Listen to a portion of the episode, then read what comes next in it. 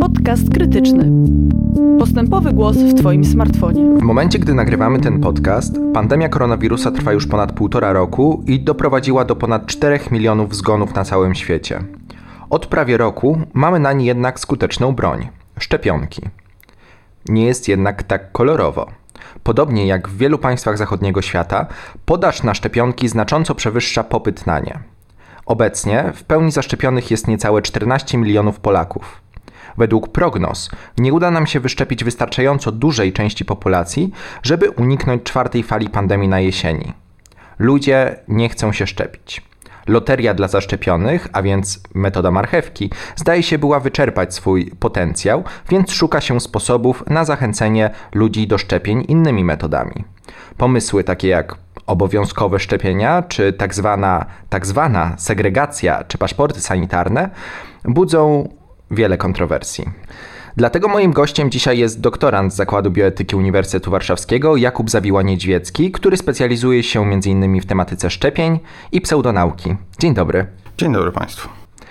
Pomysł na ten podcast powstał w czerwcu, gdy sieć Kin Helios wprowadziła specjalne bilety dla osób zaszczepionych. Pojawiły się porównania do III Rzeszy, do apartheidu, do niesławnych osobnych miejsc w autobusie dla Żydów. Domyślam się, że zgodzi się Pan ze mną, że porównanie to jest zdecydowanie przestrzelone. Ale właściwie dlaczego? Z moralnego punktu widzenia, czym różni się segregacja ze względu na pewien zabieg medyczny od segregacji ze względu na pochodzenie etniczne, religię czy kolor skóry? Zwykle przyjmujemy, że takie rzeczy jak e, kolor skóry czy pochodzenie etniczne, mm, no raczej nie, nie mamy wpływu na to, jakie, jakie dana osoba e, ma te cechy. E, natomiast wybór dotyczący zabiegu profilaktycznego, który wpływa na bezpieczeństwo innych, no, każda osoba ma. Przynajmniej dopóki, mm, dopóki szczepienia są nieobowiązkowe. E, więc e, mamy tutaj z jednej strony dyskryminację ze względu na e, cechy, które dana osoba po prostu ma i nie ma na nie wpływu, a z drugiej strony mamy, mamy po prostu pewne preferencje umożliwiające odstąpienie od pewnych, od, od pewnych ograniczeń, które są związane z występowaniem epidemii, bo tak naprawdę to nie są E, to nie są mm, jakieś e, działania segregacyjne, które mają ograniczyć czyjeś prawa, tylko raczej umożliwiają korzystanie z pewnych e, no, obszarów dostępnych społecznie dla osób, które po prostu nie, stwarzają zagrożenia, tak? czy stwarzają mniejsze zagrożenie, bo to też oczywiście jest sprawa znacznie bardziej skomplikowana. Oczywiście dla osób, które nie chcą się szczepić z jakichś powodów, to będzie y, znaczne ograniczenie i one będą z pewnością y, z tego powodu protestować, tak? To tutaj nie, nie, nie, ma, nie ma wątpliwości. Natomiast y, no, pytanie brzmi, czy to jest skuteczne w przekonywaniu? To jest jeszcze odrębna, odrębne, odrębne, odrębne pytanie, tak? Czy, czy rzeczywiście kogoś, kto tak bardzo nie chce się zaszczepić, że E, no właśnie, nie jest gotowy narażać się na takie rozmaite ograniczenia, czy to w ogóle może go przekonać do czegokolwiek? A czy w ogóle takie osoby, czy, czy my w ogóle próbujemy przekonać właśnie tego typu osoby? To znaczy osoby najbardziej radykalnie mówiące, nie, my się nie zaszczepimy. Czy problemem nie są osoby, które mówią, no tak, może powinienem się zaszczepić, ale jednak tego nie robię? I czy to te osoby nie mogłyby być potencjalnie przekonane właśnie przez pewne restrykcje, o ile tak nazwiemy je restrykcjami rodzaju mm, utrudnienia e, dostępności niektórych dóbr kultury, chociażby właśnie miejsc w kinie. Mhm. To znaczy, y, badania na temat y, jakby oporu przed szczepieniami niestety w większości takie głębsze badania mamy jakby sprzed czasów pandemii, ale y, y, te które, te, które są, wskazują na to, że rzeczywiście jest taka dosyć niewielka grupa takich radykalnych przeciwników i ich właściwie nie da się przekonać. Co więcej, oni są gotowi stawiać opór y, bardzo wyrafinowanymi metodami, łącznie z, z taką przysłowiową ucieczką w Bieszczady. Tak? To, to, I tutaj wydaje się, że może być bardzo duży problem i w zasadzie y, zwykle się jakby w literaturze, która mówi na ten temat naukowej, mówi się, że raczej nie warto próbować, e, no z wyjątkiem na przykład takich kry krytycznych sytuacji, tak, typu e, pracownicy medyczni, tak, czy, czy inne osoby, które, które rzeczywiście mogą funkcjonować w jakiejś przestrzeni, gdzie stwarzają duże zagrożenie. Wtedy sprawa jest troszkę bardziej złożona. Natomiast natomiast e, rzeczywiście zwykle wydaje się, że ta grupa takich nieprzekonanych, czy nie do końca przekonanych, czy wątpiących jest poważna. Natomiast w przypadku COVID-a problem jest taki, że my troszkę nie wiemy i tutaj brakuje prawdopodobnie też działań ze strony władzy dotyczących no, po prostu badania tej sytuacji. Nie wiemy też, w jakim stopniu na przykład problemem ze szczepieniami jest problem mm, dojazdu, informacji. Wiadomo, wiadomo na przykład, że starsze osoby zostały trochę porzucone e, w starciu z systemem, który jest internetowy i, i, i jakby no zupełnie inny niż to, do czego były przyzwyczajone. Były takie obrazki na samym początku szczepień, jak ludzie ustawiali się pod swoimi przychodniami, tak? I, i, i w zasadzie nie mogli tam uzyskać tego, na co liczyli. Więc tutaj wydaje się, że jest jakiś problem z polityką informacyjną, ale my trochę nie wiemy. To znaczy, przynajmniej ja nie znam takich, takich badań, które by wskazywały, że, że, że wiemy dokładnie, jaka jest struktura tego wszystkiego. Natomiast rzeczywiście, jeżeli kogoś się mówi, to raczej mówi się nie do tych, którzy są twardymi przeciwnikami, tylko tych, którzy mają wątpliwości.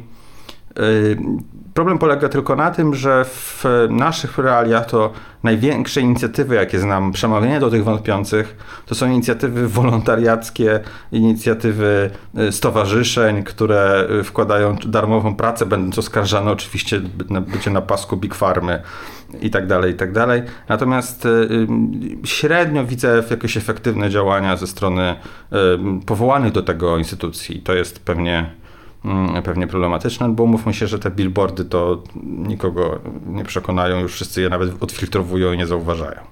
No właśnie, skoro nie działają te instytucje, które próbują w jakiś sposób zachęcić nas do szczepień, czy to loterią, która daje minimalną szansę na wygraną, też w jakiś sposób odwleczoną tę, tą gratyfikacją e, bardzo daleko w przyszłość, to czy może są jakieś inne modele, inne sposoby przekonywania społeczeństwa, może właśnie nie przekonywania, tylko e, doprowadzenia po prostu do tego, żeby więcej ludzi się zaszczepiło.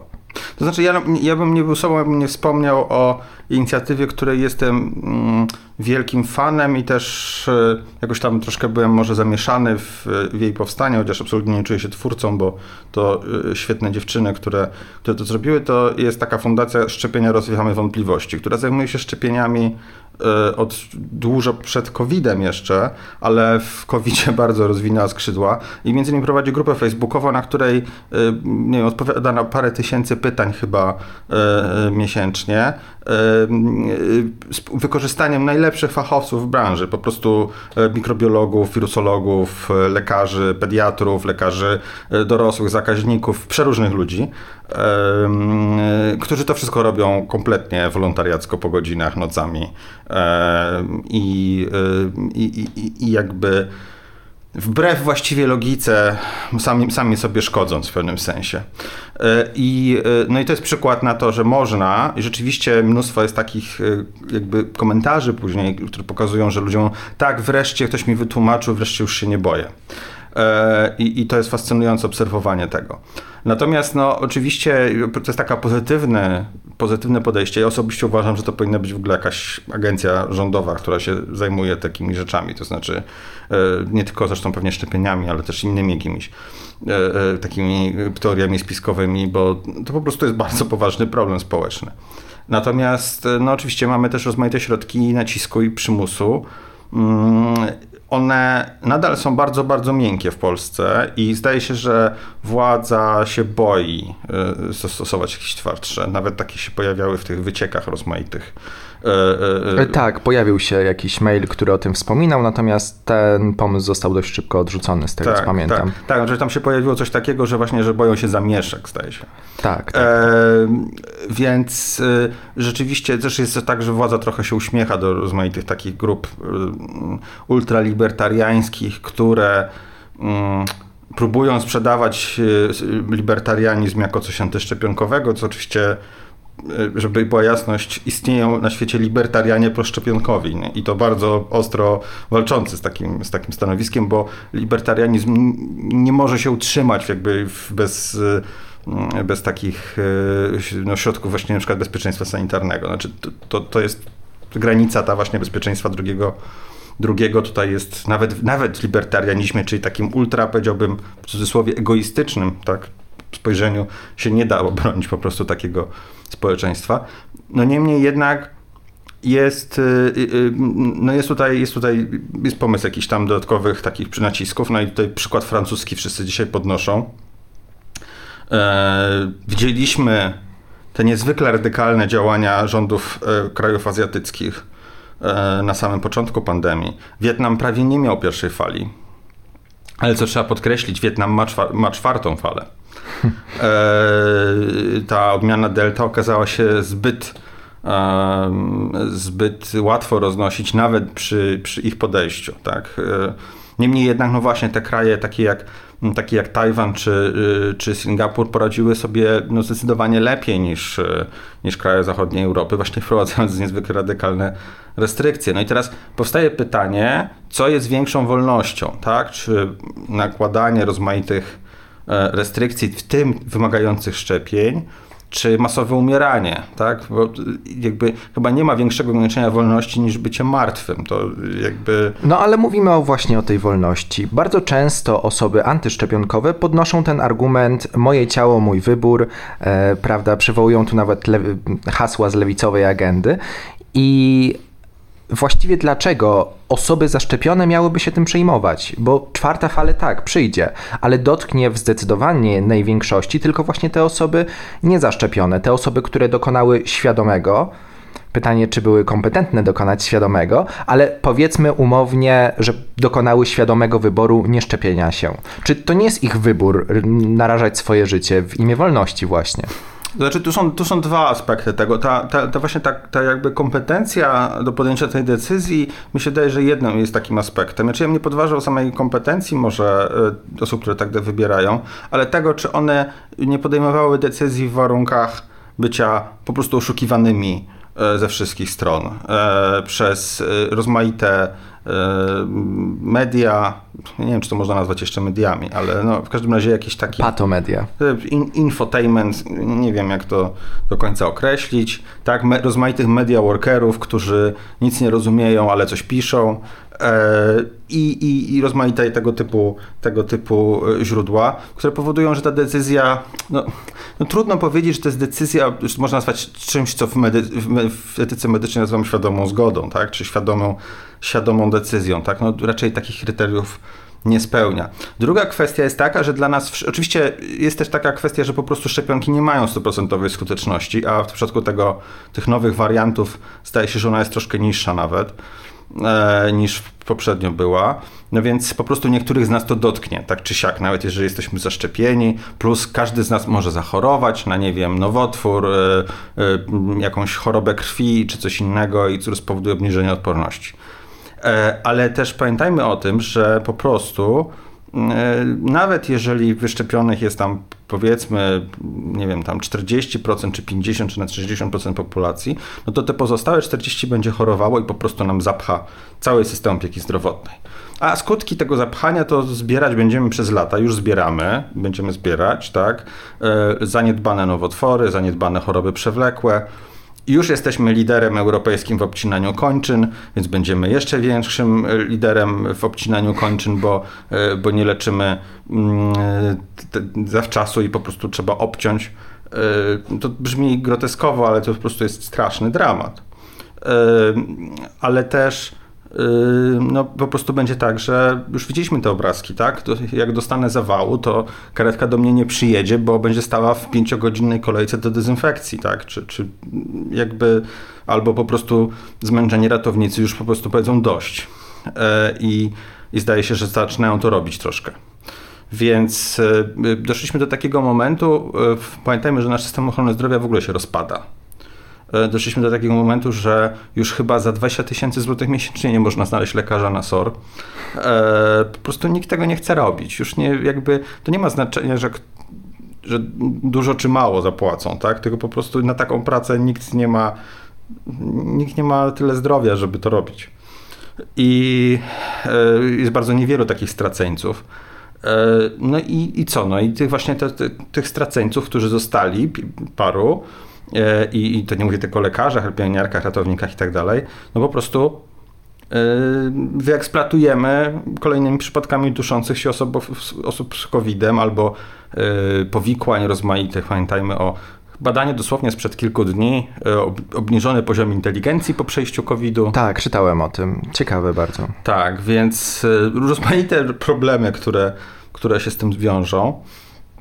No i co? I, i, i jakby i te, to wszystko kosztuje. To też trzeba przeliczyć na zarówno ludzkie koszty, jak i koszty po prostu finansowe, tak? To trzeba jakoś będzie sfinansować, a my nie mamy na przykład rehabilitacji w Polsce, w ogóle się czeka na nią nie wiadomo ile, a będziemy, a będziemy czekać jeszcze dłużej, bo właśnie będą rozmaici ludzie, którzy pomagają rehabilitacji po na przykład hospitalizacji. Samo przebywanie na oddziale intensywnej terapii yy, jest jakby ono samo w sobie jest szkodliwe dla zdrowia, tak? To znaczy to, że ktoś e, jest hospitalizowany w takim trybie przez dłuższy czas, oznacza, że będzie wymagał długotrwałego dochodzenia do zdrowia, bo po prostu ma to swoje konsekwencje utrzymywanie kogoś w stanie e, takiego mm, częściowego uśpienia e, pod tymi wszystkimi maszynami, bez ruchu i tak dalej, powoduje rozmaite problemy. No i, i jakby kto to udźwignie? Więc ja bym się przejmował tą czwartą falą. Zresztą ja, ja nie uważam, że w Polsce były trzy fale, bo w Polsce mieliśmy tak naprawdę jedną, e, która trwała po prostu bardzo długo i nagle się zrobiło rozprzężenie i teraz wszyscy myślimy, że się nic nie dzieje. Mhm. E, no właśnie chyba zaczęło, bo tak zaczęły wskaźniczki troszkę rosnąć. Tak, tak dzisiaj bodajże jest 135 nowych zakażeń, co jest przypomnijmy, że przy, przypomnijmy, że przy około 200 zamykaliśmy lasy. Tak, tak, tak. Była taka historia jakoś rok temu właśnie mniej więcej, no trochę więcej, trochę bo rok więcej. temu były wybory. Tak, tak, rok temu więcej. i powiedzmy tam 2-3 miesiące zamykaliśmy lasy przy około 200 zachorowaniach, więc e, to też nie jest tak, że się nic nie dzieje.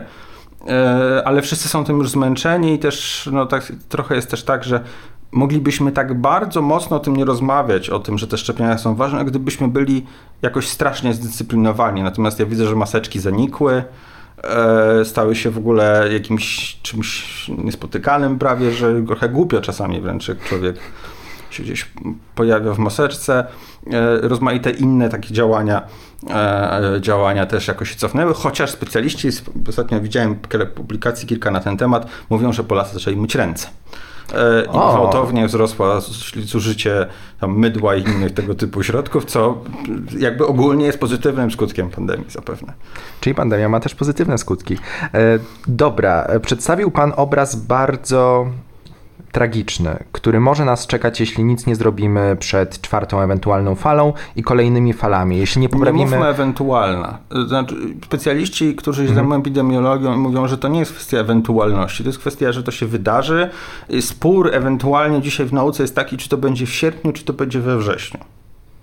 Rozumiem. A w takim razie, czy są jakiekolwiek mm, powody inne niż wizerunkowo-polityczne, żeby szczepionki nie były obowiązkowe? Tak jak na inne choroby w Polsce. To mamy wiele obowiązkowych szczepionek w Polsce. Dlaczego szczepionka na koronawirusa miałaby być wyjątkiem? Nie mamy żadnej szczepionki obowiązkowej dla dorosłych. Mhm. I to jest, e, to jest e, tak, taka w tej chwili jest sytuacja w Polsce.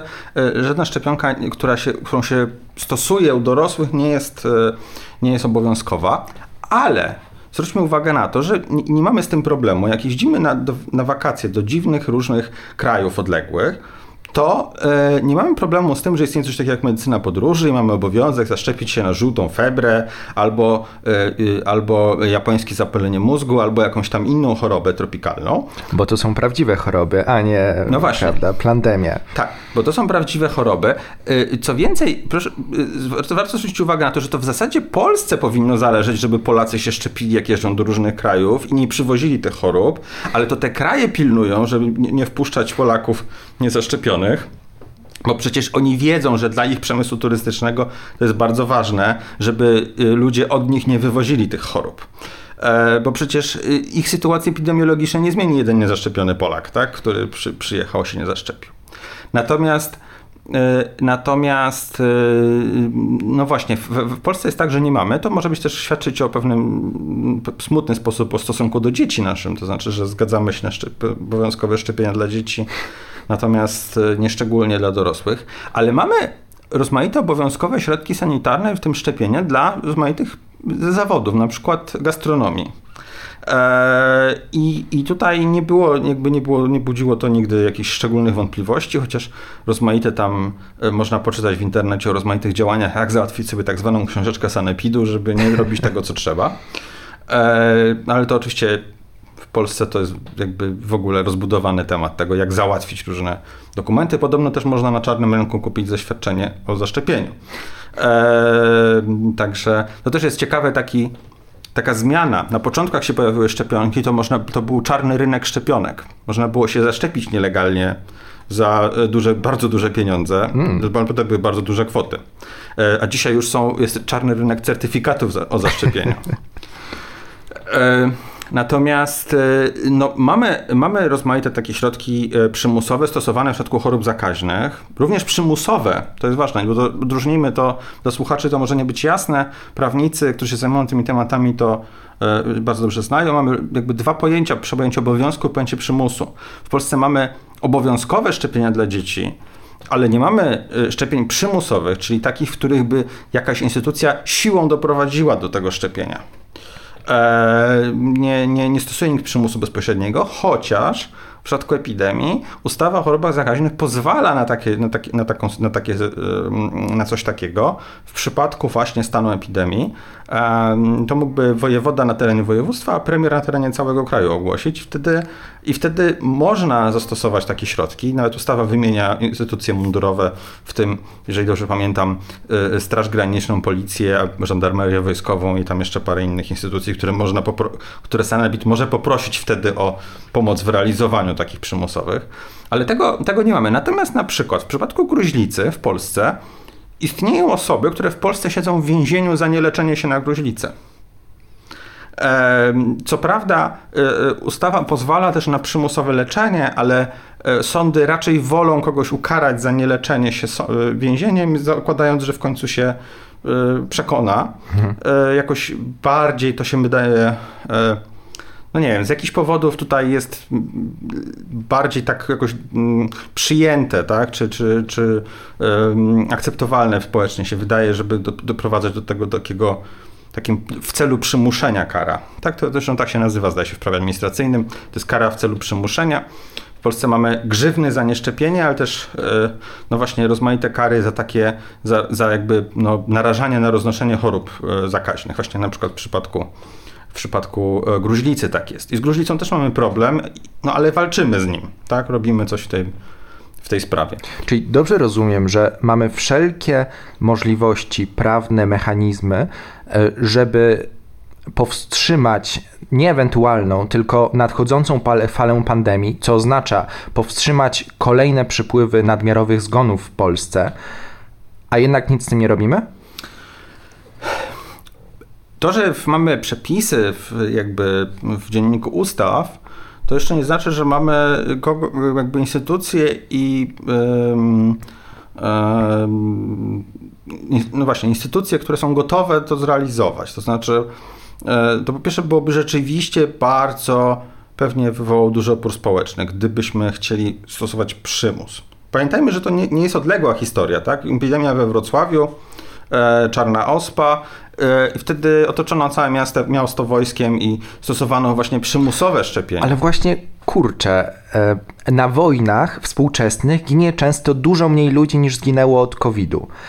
I gdyby to była wojna, gdyby te ofiary to nie były ofiary w szpitalach, to jestem o tym przekonany, że środki w postaci, no nie takie same, bo przy wojnie nie mamy szczepionek, natomiast analogiczne środki przymusu na społeczeństwie byłyby w pełni dopuszczalne i ludzie by się, by je akceptowali, by się na nie zgadzali. A tutaj mamy kwestię tego, że chyba nie widać ofiar i to jest ten problem. Tak, ja myślę, że, że gdyby ludzie umierali na ulicy tak przysłowiowo, to, mhm. Y, to pewnie byłoby też troszkę inaczej. Y, te ofiary są niewidoczne.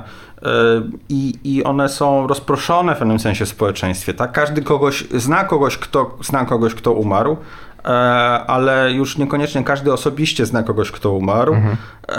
albo niekoniecznie to jest ktoś bliski. I i rzeczywiście tak, gdyby to była wojna, to pewnie byśmy się godzili na rozmaite ograniczenia, które w ogóle dzisiaj nie są nawet rozważane, tak? Y, przecież, y, nie wiem, godzina policyjna, y, w ogóle tego typu rzeczy. Tylko, że trzeba sobie uświadomić, to jest wojna, tylko że ze znacznie trudniejszym przeciwnikiem. E, który jest podstępny, miniaturowy i tak dalej, i tak dalej, i tak dalej. W dodatku jeszcze zobaczmy, ile wydajemy na ochronę zdrowia, ile wydajemy na obronę narodową. Znaczy ja absolutnie nie uważam, że na obronę narodową wydajemy za dużo, ani nic, nic z tych rzeczy. Wręcz przeciwnie, że czasami uważam, że może i za mało, przynajmniej jakby szeroko pojąć obronę narodową. E, ale na przykład różne systemy ratownictwa też wchodzą w obronę narodową, nawiasem mówiąc. Hmm. Ale, ale no właśnie, nie traktujemy tego, że tak na, na, serio. To wszystko jest jakieś takie nie do końca na, nie do końca na serio, a ludzie umierają, tak? A, i, to, I tutaj trzeba przyznać, tak jak ja nie jestem wielkim fanem minionego, słusznie minionego ustroju, tak, tak sądzę, że, e, że wte, jak gdyby się trafiło dzisiaj to, co trafiło się wtedy, to byśmy nie umieli tego zrobić. Tak, wtedy umarło stosunkowo niewiele osób. Zatrzymano ten. Mówimy o czarnej, o czarnej ospie, ospie tak, we Wrocławiu. Tak. Ten, zatrzymano, to, zatrzymano to w, za, w zarodku w zasadzie, chociaż oczywiście tam też popełniono rozmaite błędy. Ym, a dzisiaj byśmy po prostu mieli pewnie, nie wiem, ogólnokrajową epidemię i co? I wtedy by całą Polskę otoczono takim kordonem sanitarnym i nikt by się nie przejmował. Tak? Gdyby wybuchła dzisiaj czarna ospa, no to nie jest niemożliwe. E, co jakiś czas zostają znalezione gdzieś jakieś e, w cudzysłowie żywe e, próbki czarnej ospy. Ostatnio gdzieś w bibliotece wypadły z, takie koperta z takimi próbkami z książki. To, to się w miarę regularnie zdarza. Więc dużo nie trzeba. Czarna ospa jest znacznie bardziej zabójcza niż COVID, ale też bardziej efektowna. To prawda. I to myślę, że myślę, że to by też dużo zmieniło. Jak wybuchła ebola w Liberii, to cała Europa była przerażona. To prawda. I, i w pewnym sensie to jest nasze szczęście i pech z COVID-em. E, szczęście, bo ta choroba nie jest aż tak straszna. Gdyby to była gorączka krwotoczna, to pewnie by były kolejki pod punktami szczepień yy, ogromne. Taka, ta, szczególnie taka w stylu właśnie eboli, która tam, nie wiem, 48 godzin ludzi zabija, to yy, to po prostu rzeczywiście byłoby to, y, byłoby to zupełnie inaczej. No ale ponieważ choroba jest taka, że ludzie sobie tak powoli gasną, duszą się tam gdzieś w szpitalu, nikt tego nie widzi, to w zasadzie poza tam paroma straumatyzowanymi pracownikami opieki zdrowotnej, to, y, to nikt się tym nie przejmuje za bardzo. I to jest dosyć frustrujące, muszę powiedzieć. Szanowni słuchacze, jesteśmy na wojnie i nie zapominajmy o tym, szczepmy się, bo w końcu do, nas do tego przymuszą, a lepiej, żebyśmy się zaszczepili po prostu, niż też umarli. Dziękuję panu bardzo. Dziękuję. Ja nazywam się Kastor Kurzelewski, a moim gościem był Jakub Zawiła-Niedźwiecki. Po więcej naszych podcastów zapraszam na stronę www.krytyka polityczna łamane na podcast, a także do popularnych serwisów podcastowych takich jak Spotify, Apple Podcasts czy SoundCloud. Do usłyszenia.